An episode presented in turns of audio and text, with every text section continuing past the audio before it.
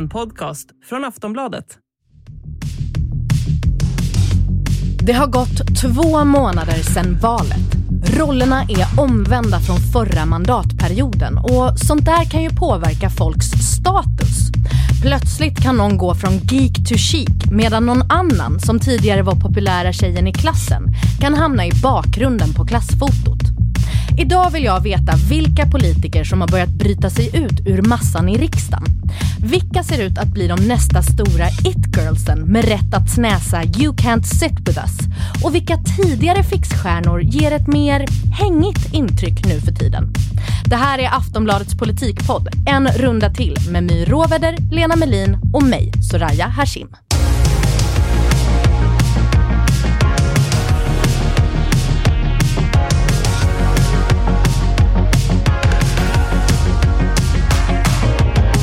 Hallå My och Lena!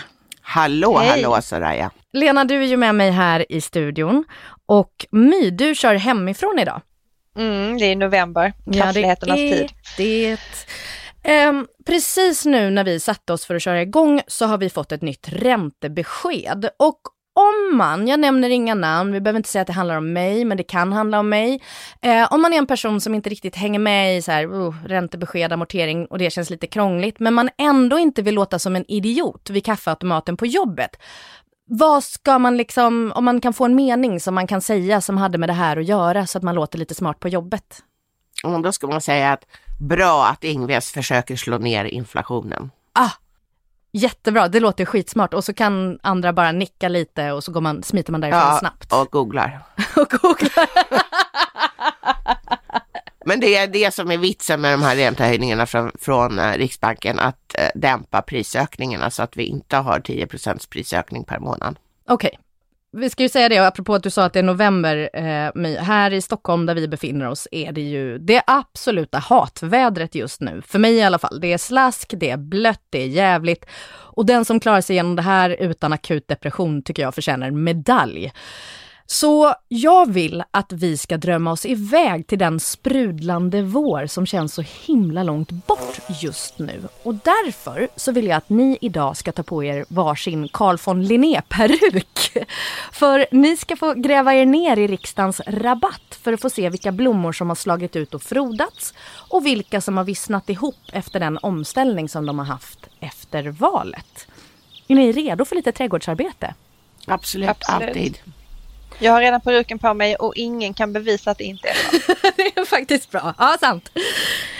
Om eh, vi tittar här i rabatten så ser jag en riktigt stolt och fullt utslagen blå blomma av oklar sort. Vi kan kalla den för Gunnaris strömeris.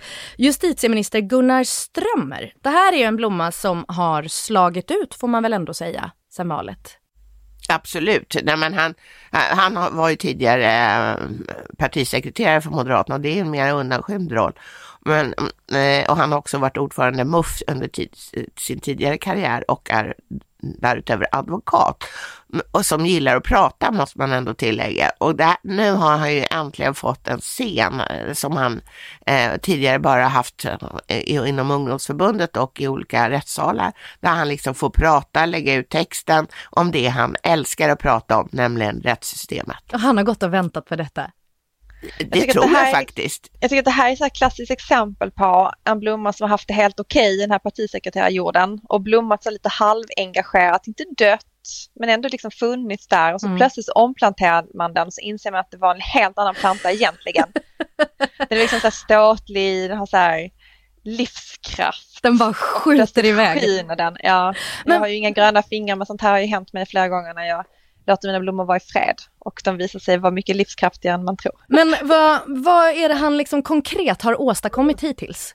Han har väl inte åstadkommit så himla mycket. Det är ju trots allt har inte regeringen suttit så länge så att man kanske eh, får vara lite sparsam med de kraven. Men det som han ändå är bra på tycker jag, det är det här att så att säga, hittills i alla fall, är det bäst man tillägger, stå upp för eh, rättsstatens principer som det är så modernt att säga nu för tiden. Mm.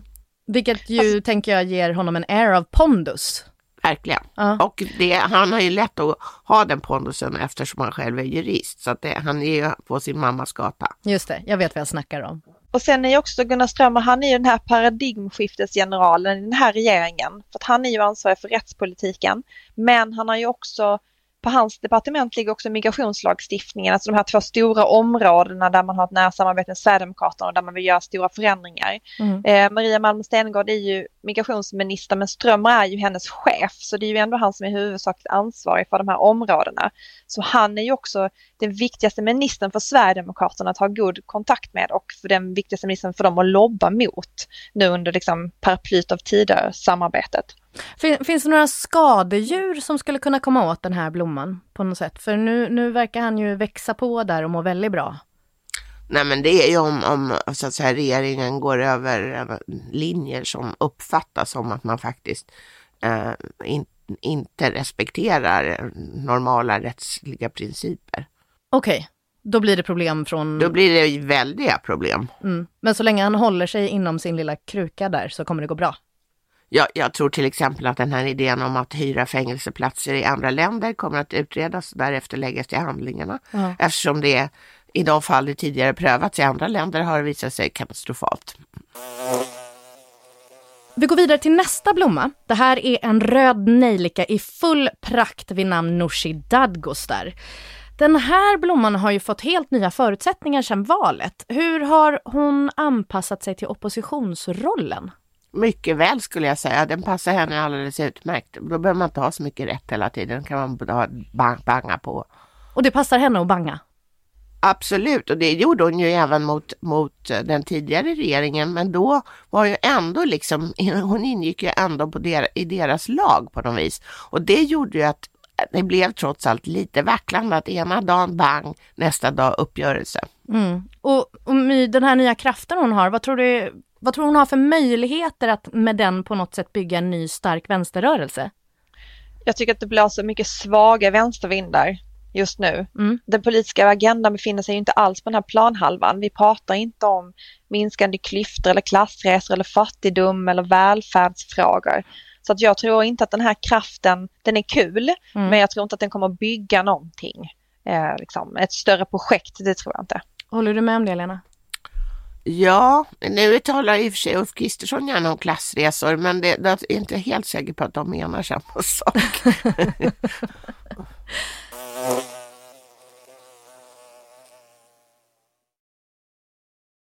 En blomma som jag inte tidigare har lagt märke till i den här rabatten, men som både producent Olivia och du Lena har lyft upp allt mer som en riktig stjärna är vitsippan Jakob Forssmed, alltså kristdemokrat och numera socialminister. Och eftersom ni då är så himla på om honom så känns det ju verkligen som att jag har missat någonting som jag vill hänga med i. Så kan, kan du förklara, vad är grejen med honom? Nej men han, han är ju en lång, alltså en trägen arbetare i den kristdemokratiska vingården. Han har ju haft alla möjliga uppdrag inom partiet och eh, nu senast före valet så var han dess ekonomiska talesperson. Och det är väl, han har väl inte gjort, han har inte gjort liksom dåligt ifrån sig. Inte heller skulle jag vilja säga glänst. Nej. Men nu i sin nya roll som socialminister så är han plötsligt verkar han superkunnig på det området han är satt att sköta. Han visar empati, han eh, har förslag, i alla fall muntliga så att säga. Eh, så att, eh, nej, jag, är, jag och Olivia, vi är överens. Jakob är en bra kille. Vi är så överens. Ja. Är du också överens med jag har kanske inte riktigt fastnat i det här nätet. Men mm. det kan också bero på att jag tyckte att det var det är så en så himla konstig utnämning att säga så här, den här personen är ansvarig för idrottsfrågor för han motionerar. Det finns något, ah, var det honom de sa det i mig. Okay. Det finns någonting i mig som är sådär, okej, okay. ah. på den nivån vi är i en regering.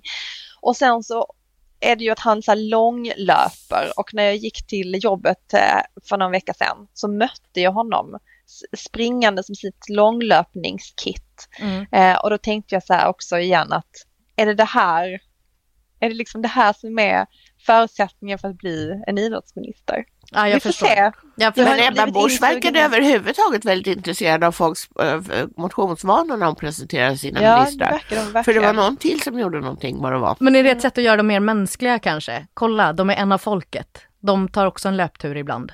Men jag lyssnade på lite intervjuer med honom inför det här, just för att, att eh, jag förstod att eh, Lena, du och Olivia var så peppade.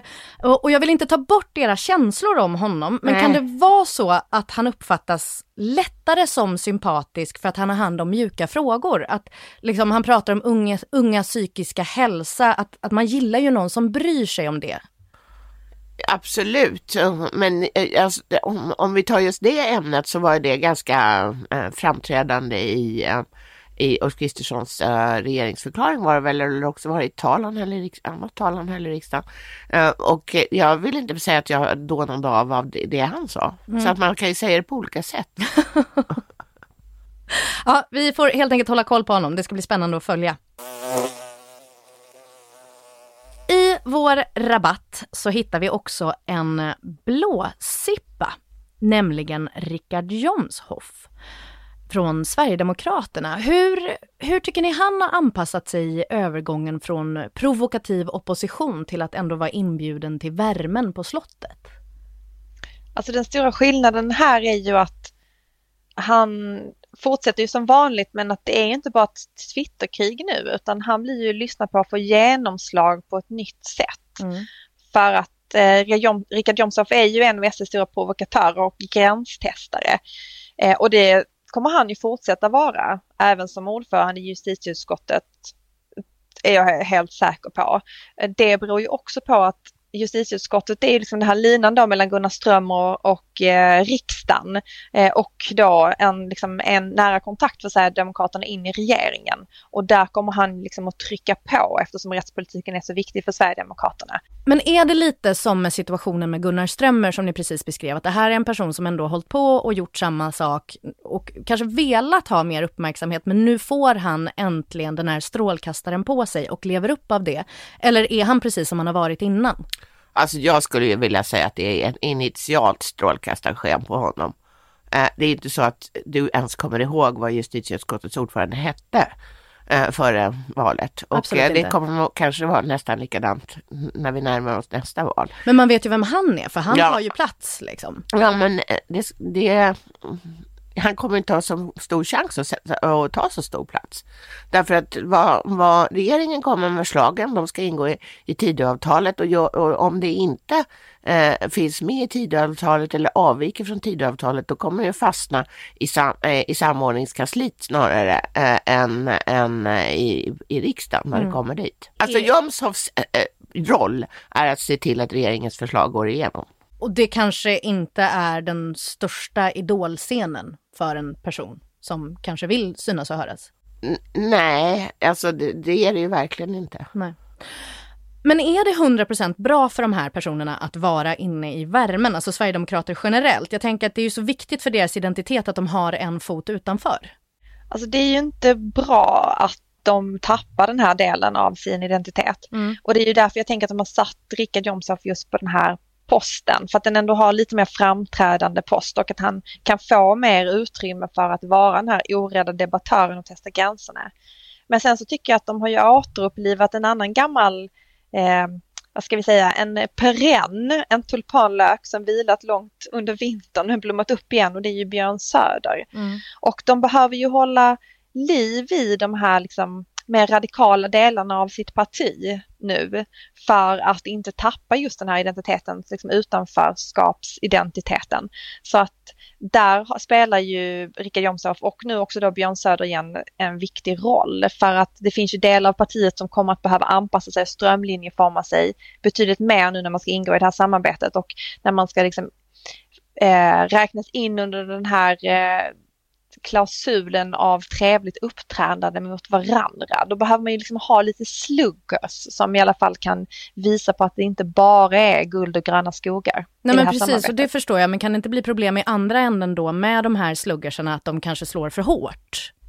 Nej men om det är sluggers som alltid har varit det, Ja, det. då det finns det kanske en lite annan förförståelse för det och det är därför jag tror också att man lyfter fram just de här två personerna. Det hade blivit jättekonstigt om någon annan plötsligt dök upp och sluggrade runt. Nej. Men de här två har man ju en historia kring att vara på precis det här sättet. Så det är inte lika konstigt. Så det blir inte lika kontroversiellt tror jag just inom liksom ramen för det här samarbetet. Nej.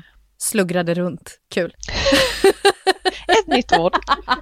Det är sånt som händer när man är hemma och är lite sjuk. En blomma som jag måste erkänna att jag inte trodde skulle blomma i fullt så stor prakt, eh, utan eh, snarare kanske skulle vissna ganska snabbt under all press, är blåklinten Romina Pourmokhtari, miljöministern. Tji fick jag! Håller ni med mig om att hon blommar trots att det blåser rätt hårt? Alltså kanske inte skulle jag säga blommar, ja. men hon har ju definitivt kommit upp genom jordskorpan ja. Eh, och, och, och, och skjutit ganska hög, hög, högt upp.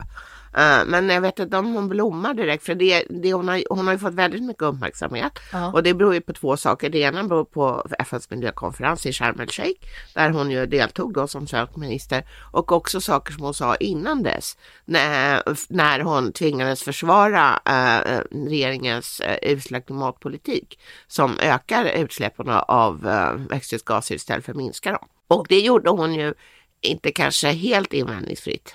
Nej, men hon verkar ändå stå pall, hon står ju kvar. Absolut, och det är det, eh, alltså hon verkar, det är en tålig växt helt enkelt. Ja. Jag tänker lite tvärtom, jag tänker att hon är som den här nattens drottning. Ni vet den här växten som blommar stort och mäktigt men mycket kort en natt om året. Oh. Och att det kanske är på väg att blomma över ganska snabbt. Okej, okay, så du, du ser att det finns, eh, hon, hon kanske liksom... Brinner lite i två ändar, tänker jag. Ah. Eftersom hon har så dåliga förutsättningar. Att hon liksom uttalar... Hon står i näringsfattig jord. Realism, men hon står i så näringsfattig jord och hon uttalar liksom sån motsägelsefulla känslor kring den här politiken som hon driver och den här positionen hon har. Så att vi får se. Mm. Hon blir ju också rätt ifrågasatt för att hon har gått ut hårt mot Sverigedemokraterna innan hon blev minister, men nu då sitter ganska still i båten. Vi ska lyssna på ett exempel. I veckan så var hon med i Morgonpasset i P3 och då lät det så här. Eh, så här var det, i helgen så rikt, eh, riktade ju, var ju Johan Persson ute och veva och kallade bland annat SD för extremt populistisk och en brun sörja i en eh, intervju. Mm. Håller du med honom? Alltså, ja. Jag tycker ju, det finns en anledning till att jag inte är medlem i Sverigedemokraterna och en gång i tiden när jag engagerade mig politiskt gjorde jag det delvis för att jag såg att Sverigedemokraterna växte och mm. tyckte att det var skevt. Så du håller med ehm, honom? Nej men eh, jag, jag håller inte med Johan Persson om att det är brun sörja är ju lite, det är klart man ser saker i deras politik som man absolut inte håller med om men samtidigt så har ju mitt parti fattat ett beslut i november om att vi vill ha en borgerlig regering även om den tar stöd av SD. Och då får man eh, utifrån det försöka jobba så hårt man kan. Och då kräver ju det att partierna drar lite åt samma håll. Liksom. Hur tycker ni hon tacklar den här situationen? Dåligt. Varför det? Och det har hon gjort med, med de här med utsläppsökningarna också tycker jag. Uh, ja, varför? Därför att hon, det går ju inte att förklara, eh, hon, eller hon förklarar inte sin vändning. Hur, men hon är. Hon, gjort istället? Alltså, hon, här... hon, hon, är minister för att uh, den här uh, bruna sörjan så att säga har sett till att Liberalerna, eller accepterat att Liberalerna sitter i riksdagen. Och um, uh, man kan tacka nej också om man tycker illa om saker och ting. Så vad hade varit ett bättre svar i den här situationen, tror du? Ja, alltså det, det bästa svaret hade ju varit i hennes fall att hon aldrig hade blivit minister därför hon inte ville acceptera det här läget som Liberalerna befinner sig i just nu. Men om hon nu ändå skulle tacka ja till att bli minister så tror jag att det är bättre att säga att äh, jag tycker, jag tycker att inte säga att jag håller inte med Johan Persson, det är ju, ju dumt eftersom mm. hon har gjort det och mm. varit ännu mer äh, så att säga, skarp i sin kritik mot Sverigedemokraterna. Så att det är bättre att säga då att äh, jag har bestämt mig för att jag får hacka i med det här. Vi behöver ju också titta på de lite mer vissna delarna av rabatten. En blomma som jag inte alls ser leva sitt bästa liv längre är en person som tidigare var superaktiv på sociala medier, kom med utspel hela tiden och skapade konstant buzz kring sig själv och sitt parti, nämligen Ebba Busch, som idag är närings och energiminister och vice statsminister. Jag har knappt sett henne efter valet. Vad har hänt? Har luften gått ur henne eller? Nej, men jag tror dels så har det ju varit väldigt mycket att göra men dels så tror jag att hon vet om att det här är ganska svåra frågor för henne att svara på eftersom hon till exempel då har hela den här frågan kring liksom, kärnkraften på sitt bord och där håller de lite låg profil just nu. Dels är det ju svårt eftersom det är så otroligt långa ledtider eh, och jag tror att många människor förväntar sig ju, precis som på flera andra områden, att man skulle leverera.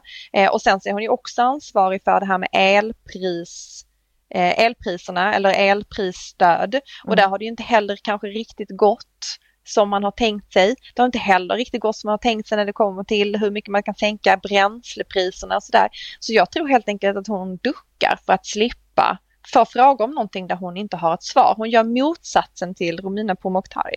Men, men eh, tror ni hon ångrar sina ämnen, sin portfölj, alltså vad, ämnena hon är minister för? Alltså jag inbillar mig att hon försöker sätta sig in i alla dessa frågor. Hon har varit i Paris, i Paris tror jag det var, i alla fall i Frankrike och eh, um, snackat kärnkraft och hon har, eh, har eller är på väg till Finland för att prata om skog. Och eh, det kan väl vara nyttigt men det, det, blir också lite lustigt att den, den människa som nästan liksom skuttade som en känguru för att ställa sig framför varenda och fått objektiv, kameraobjektiv bara för några veckor sedan nu liksom överhuvudtaget inte visar sig. Nej men visst är det speciellt, men är, är det oundvikligt att man liksom inte kan vara riktigt lika röjig som hon var innan när hon var i opposition? Ja men det verkar inte Romina Pourmokhtari ha något problem med så det, det, är inte ett universellt problem i så fall utan mm. det är ett som eh, Ebba Busch eh, har identifierat. Så vad behöver hon för att komma igen tror ni? Hon behöver lite framgångar. Det är ju tråkigare att stå och ta ansvar för politik och inte ha någon politik att leverera eller ha levererat sånt som människor är besvikna på. Ja. Så att jag tror att så fort det kommer minsta lilla framgång då kommer hon att, som Lena sa, kängor skutta fram igen. Det, kommer, det behöver vi nog inte vara oroliga. Det är ju inte en person som hatar rampljuset precis. Äh, inte, inte den, inte någon, den blygaste violen i rabatten, det kan man inte anklaga henne för att vara. Nej, det är i och för sig inte någon nästan politiker som gör det. Men jag menar, det finns vissa som tycker mer eller mindre om det. Men, men igen då, Tror ni att hon önskar att hon hade fått en annan portfölj? Eller Nej, jag tror hon ville ha den här. Uh. Absolut. Det hade ju varit jättekonstigt om hon hade fått en post som hon inte ville ha. Jag, hon, hon tycker att det här med kärnkraft är superviktigt och alltså fick hon hand om energifrågorna. Sen är det väldigt skojigt tycker jag, vilket visar att hon är ganska fåfäng, att hon hela tiden kallar sig för vice statsminister, till exempel i det pressmeddelande som nyligen skickades ut om den här Finlandsresan. Och alltså vice statsminister är ju på ett påhitt, ett hittepåuppdrag. Eh, I vanliga fall är det så att den till tjänsteåren äldste går in och leder regeringens sammanträden eh, när, när statsministern själv inte är närvarande. Det skulle i så fall vara Tobias Billström. Men nu eftersom hon då kallas för vice statsminister som ingenting, det finns inget stöd någonstans i någon lagstiftning eller något sånt där för det, så, så är det Ebba. Ja men det är Ebba, classic ja. Ebba, kul! En annan, jag är inte riktigt helt säker på hur vissen han är, men det här kan ju ni botaniker ge ett klarare svar på. Johan Persson, hur är hälsan på den här plantan? Alltså den här plantan sköter inte sin hälsa och jag kan säga att jag är väldigt bra på, på plantor som dör. Det mm. är min expertis när mm. det kommer till, till växtlighet och den här plantan mår inte, den mår inte bra. Vi, vi hörde ju lite här tidigare om den eh, bruna sörjan här i klippet med Romina Pourmokhtari. Men det var ju då alltså nu i helgen som vi kunde läsa i Expressen att Johan Persson hade kallat Sverigedemokraterna för en brun sörja och då gick Björn Söder ut på Twitter och skrev att Johan Persson bör överväga vad han säger och att han förutsätter att Persson korrigerar sina uttalanden. Och senare sades det då att Persson hade bett om ursäkt till Sverigedemokraterna. Hur mycket skadar det här Liberalerna? Jag tror inte, alltså det beror nog på vem man är, för jag tror att en del tycker att det är bra. Att han gjorde det? Ja.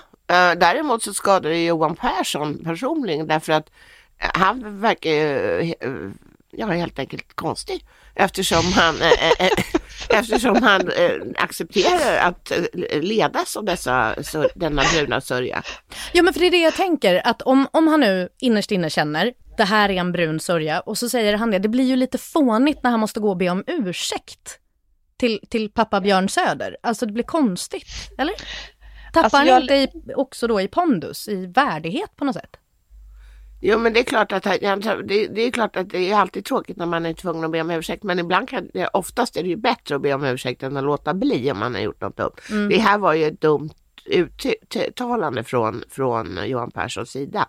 Eh, men det säger ju något, säger någonting om honom som inte är så smickrande ändå. Och det är ju just det här att han sitter i en regering som i princip eh, ja, så kallas med lite tillspetsat Sverigedemokraternas marionett, marionettregering och det ligger ju inte Alltså det ligger ju lite i det tillspetsade uttrycket. Alltså jag läste ju Liberalernas valutvärdering som kom igår och jag har inte haft så rolig läsning sedan Miljöpartiet kom med sin valutvärdering efter val 2018. Alltså båda är verkligen rekommenderad läsning. Alltså den här självspäkningen. Eh, jag misstänker ju också att Liberalerna inte vill att någon ska läsa den för att stora delar av den här är ju skriven helt utan mellanrum mellan orden. Alltså det är ju så här jättelånga meningar och jätte som består av jättelånga många bokstäver bara Om vi säger det rad. jättesnabbt kanske ingen märker hur dåligt det går. Det är en kul form, intressant. ja men det de säger är ju i stort sett att de har liksom hållit på med galenskap med de här inre konflikterna Mm. och att de här otydliga beskeden och att väljarna inte förstår sig på dem. Eh, och att det enda som de ju tycker har varit en framgång och, och som alla älskar är ju då killen vid grillen Johan. Så att ballar han nu ur och fortsätter och liksom driver på det här med interna konflikter, eh, att, att man inte kan få tydliga besked, då har de ju ingenting. Eh, och sen får jag, får jag bara säga den bästa biten också, Mm. den roligaste biten. Eh, det var ju att de konstaterade att humor hade funkat så bra i valrörelsen så att de hoppas kunna fortsätta på den linjen nu när de ska kommunicera sin regeringspolitik. Du skämtar. Alltså, Jag är ju så spänd förväntan över hur man kommunicerar regeringsbeslut på ett humoristiskt sätt. Nej, men Alltså vad kan, vad kan gå fel? get a grip. Okej, men Så kul. för, Ja. förra veckan Men, så... men, men det går ju inte så bra. Johan kan ju inte släppas lös helt enkelt. Det är ju det som det här visar också, det som hände nu. Att det är kul ibland, men ibland så funkar inte heller hans sätt att kommunicera på det här liksom lite slapphänta viset. Samtidigt som de då ju samtidigt i sin valanalys säger det här är rätt väg att gå. Vi ska hänga, alltså vi lägger alla våra ägg i Johan-korgen. Alltså de bara så här, vi måste använda Johan till all vår kommunikation. De hyllar ju honom där, verkligen. Ja. Den sista lilla växten som vi ska titta på är en fyrklöver som har åkt på däng i veckan. Centerpartiets Daniel Bäckström. Han var in the running att become Centerpartiets nya ledare, en av tre som valberedningen hade föreslagit. Och de här tre är ute på turné nu när de svarar på frågor och när de fick frågan om huruvida de skulle gå längst fram i Pride-tåget och om de kunde tänka sig viga samkönade par, så svarade de andra två kandidaterna jajebus utan tvekan. Men hur tacklade Daniel det här egentligen? Vad var det som hände? Nej, han kunde inte svara på frågan helt, eller frågorna. Skulle du gå längst fram i Pride-tåget som tidigare partiledare gjort och kommer du att viga samkönade par? Jag ställer frågan först till Daniel. Om jag kommer viga samkönade par? Eh, Jag har inte vigselrätt. Eh, Så, Men det, om du hade det? så eh, kommer jag nog att få fundera på frågeställningen. Eh, och eh, eh, kommer att eh, ha dialog med Centerstyrelsen om hur vi ska medverka i Pride-tåget. Och jag tror att det är väldigt viktigt att, att visa ett engagemang i de här frågorna. Jag tänker att, att han känner så här eh, kan ju inte vara en nyhet för honom. Och inte heller att Centerpartiet ju står för att samkönade par ska få gifta sig. Hur borde han ha tacklat den här situationen istället? Det kan väl inte vara en chock att han kommer få frågan? Nej men han borde ju naturligtvis ha svarat på att han skulle viga samkönade par och, och att han kanske inte skulle gå längst fram men i alla fall delta i Pride-tåget.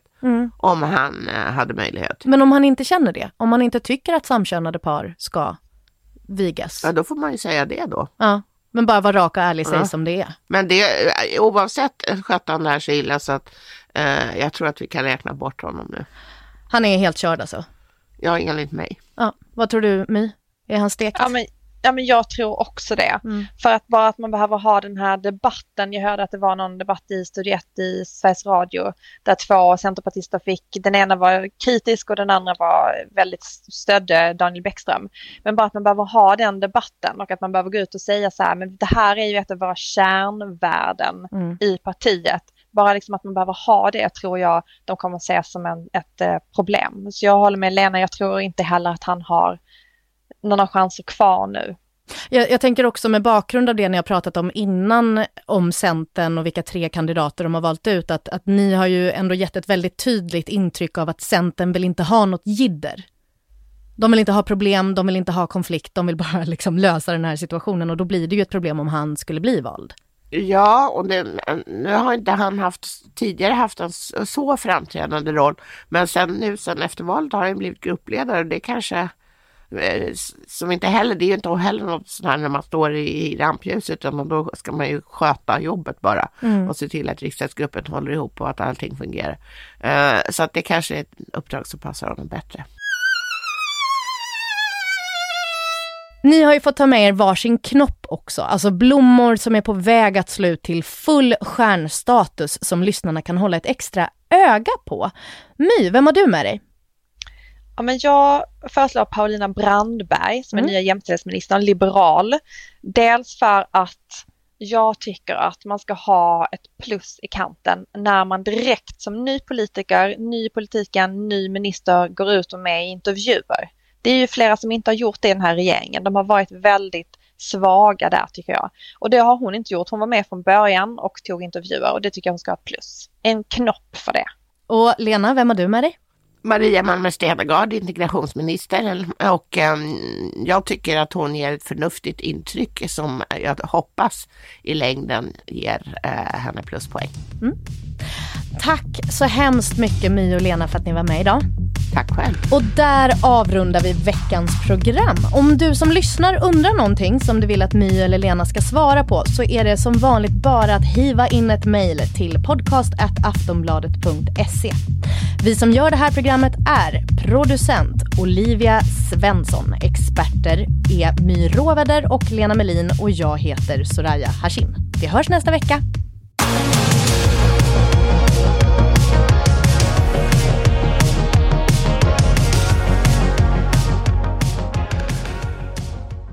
Du har lyssnat på en podcast från Aftonbladet. Ansvarig utgivare är Lena K Samuelsson.